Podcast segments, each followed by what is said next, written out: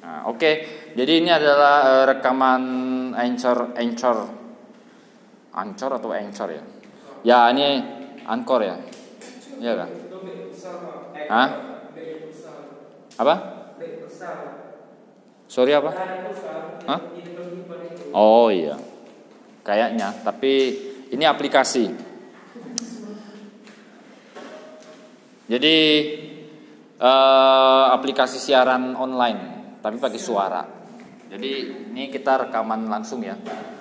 Nah, saya akan bahas active listening behavior. Bagaimana menjadi pendengar aktif? Bagaimana mengembangkan pola perilaku sebagai pendengar yang aktif? Mengapa harus menjadi pendengar yang aktif? Mengapa harus menjadi pendengar yang aktif? Saya tanya dulu itu. Kenapa? Kenapa? Kalau guru bahasa Indonesia SMP saya dulu bilang apa? Kenapa dia bisa jatuh? Jawabnya gimana? Nggak kena apa-apa. Makanya saya menggunakan kata mengapa. Ya, saya selalu ingat guru bahasa Indonesia itu jadi kata kenapa itu kurang pas, tapi yang lebih bagus itu mengapa. Mengapa uh, ada teori mengenai active listening behaviors? Mengapa? Menurut kalian mengapa perlu?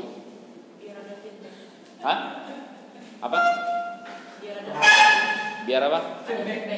Biar ada feedback. Ya ini ini ini secara umum maksud saya secara umum. Mengapa kita harus belajar menjadi pendengar yang aktif? supaya itu merasa dihargai. Supaya yang lagi ngomong itu merasa dihargai supaya yang lagi ngomong merasa dihargai. Itu dari sisi itu dari sisi yang ngomong. Kalau sisi yang mendengar, Eh, Karena yang bisa didapat dari dengar. ah, itu alasan paling sederhana dan paling pas. Semua pengetahuan itu sebenarnya salah satu sumbernya kan adalah dari pendengaran. Jadi mendengar ini sebenarnya bukan cuma mendengar secara fisik ini ya yang dimaksud di teori ini adalah mendengar secara Universal. universal secara pikiran, pemaknaan dan lain-lain. Jadi bukan cuma bukan cuma mendengar suara ya, konsep ini lebih luas. Jadi seseorang itu perlu mendapat masukan. Intinya kita sebagai individu itu seharusnya ya seperti itu. Kalau ada suara ting langsung kaget. Ya kan? Sebagai individu itu kita harusnya aktif untuk menyaring informasi dari luar. Itu kan esensi dari komunikasi tadi kan ada proses transfer dan ada proses pemahaman.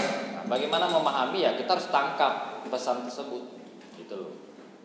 Nah menurut Robin itu ada beberapa poin penting ya untuk bisa menjadi pendengar aktif. Yang pertama nih coba lihat nih, apa nih? Nah, don't interrupt. Artinya apa?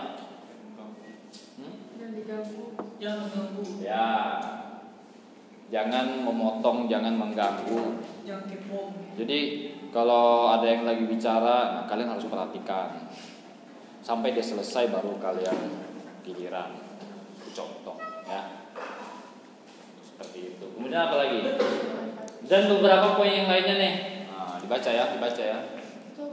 Enak sekali suruh baca baca. ya gitu ya gitu Ini kan cuma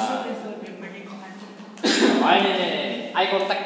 Was. Jadi kalau kalau saya lagi bicara kalian lihat saya lah. ya saya ada lihat Pak Cuma saya saya nggak bisa lihat semua langsung capek lah mata saya lihat satu-satu mata kalian. Yang paling senang itu pak, eye contact dengan orang yang baru kita kenal, terutama cewek. Iya.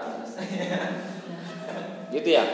kan kan eh, beberapa bahkan hampir seluruh eh, para ahli berbicara kalau kita bicara dengan orang harus tatap matanya. Tapi kebanyakan cewek kalau kita pandang gitu, dia jadi kayak merasa yang Matamu menggoda sih mungkin.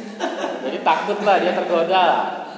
Biasa cewek gitu ya. Eh, saya mau cerita pengalaman satu SMA. Matanya. Ya. Mirip nih ceritanya Ari ini. Waktu SMA, waktu SMA saya kan ada sempat bisnis ya. Saya sore-sore SMA tuh jualan jagung bakar.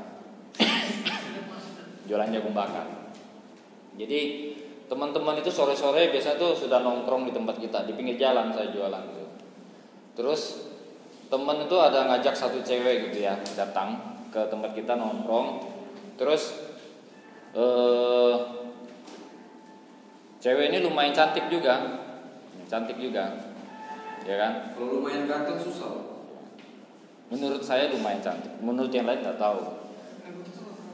Terus, terus eh apa ya?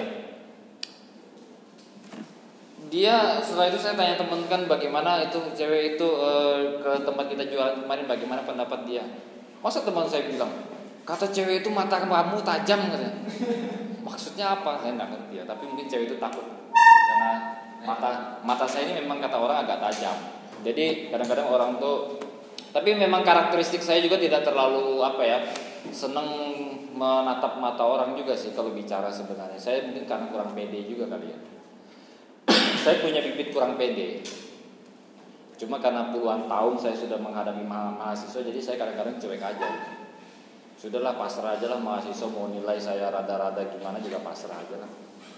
Tapi kan ya intinya apa yang saya sampaikan itu se- semoga bisa bermakna ya. Jadi penting ini memang show interest by making eye contact. Jadi karena kalau kita punya ketertarikan sesuatu biasanya itu kita fokus kan ya. Kalau orang ngomong tuh kita lihatin mata dia. Berarti kita nih eh, tertarik dengan apa yang dia bicarakan atau tertarik dengan wajah dia. Tapi kalau orang lagi marah jangan dimantang matanya. Nah itu bahaya. Kayaknya nantang. Tentang deh. ya kan seperti itu kalian tertarik?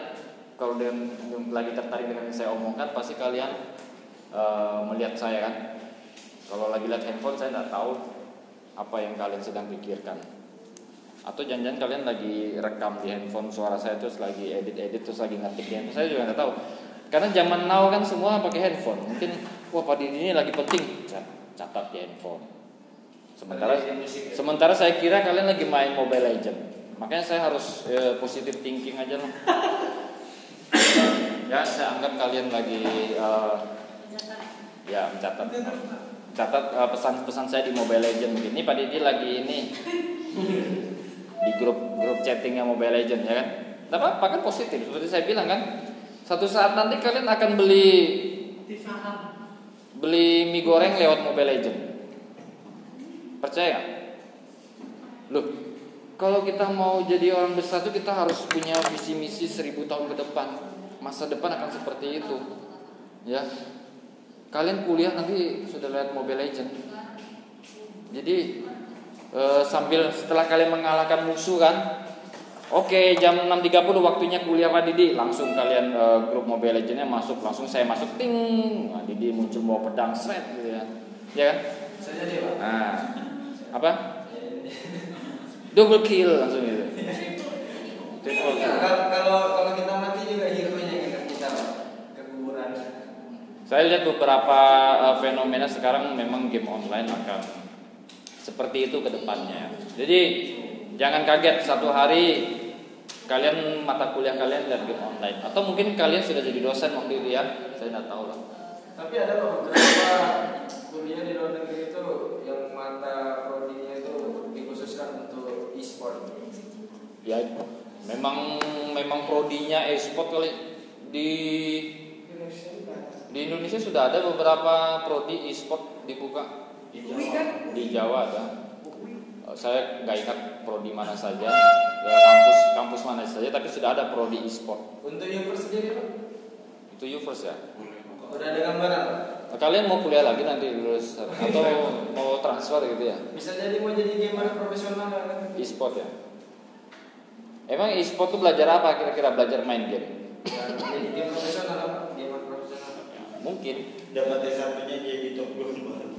Cuma ya itu tadi e-sport yang sekarang kan masih konvensional menurut saya ya. Jadi di dalam itu cuma perang-perang, potong-potong, tebas-tebas, habis itu dapat poin, jadi uang mungkin ya. Itu masih konvensional. Kalau yang saya bicara tadi itu sudah berapa tahun ke depan itu, saya bilang kalian beli saham lewat sport, eh, apa eh, mobile game. Terus apa lagi? Beli mie goreng lewat mobile game. Jadi aplikasi Gojek itu mungkin akan masuk ke dalam situ mereka akan kerjasama gitu loh. Kalau belum ada yang buat, kalian ngebuat sekarang game yang menggandeng Gojek misalnya sama Tokopedia. Jadi nanti kalian eh, bayar rekening listrik lewat game online. Percaya? nggak? Percaya nggak? Percaya nggak? Eh sorry, percaya ya? Nah, ya Kalau pemikiran kalian game online lima tahun lagi masih sama sekarang ya berarti kita hidup di dunia yang sekarang kapan kita bisa nyaingin Jack Ma kalau seperti itu. Bayangkan Jack Ma tahun eh, hampir 20-an tahun yang lalu internet begitu susah dia sudah punya pandangan sampai sekarang ya. Ya kan? Itu maksud saya seperti itu. Pos dulu ya.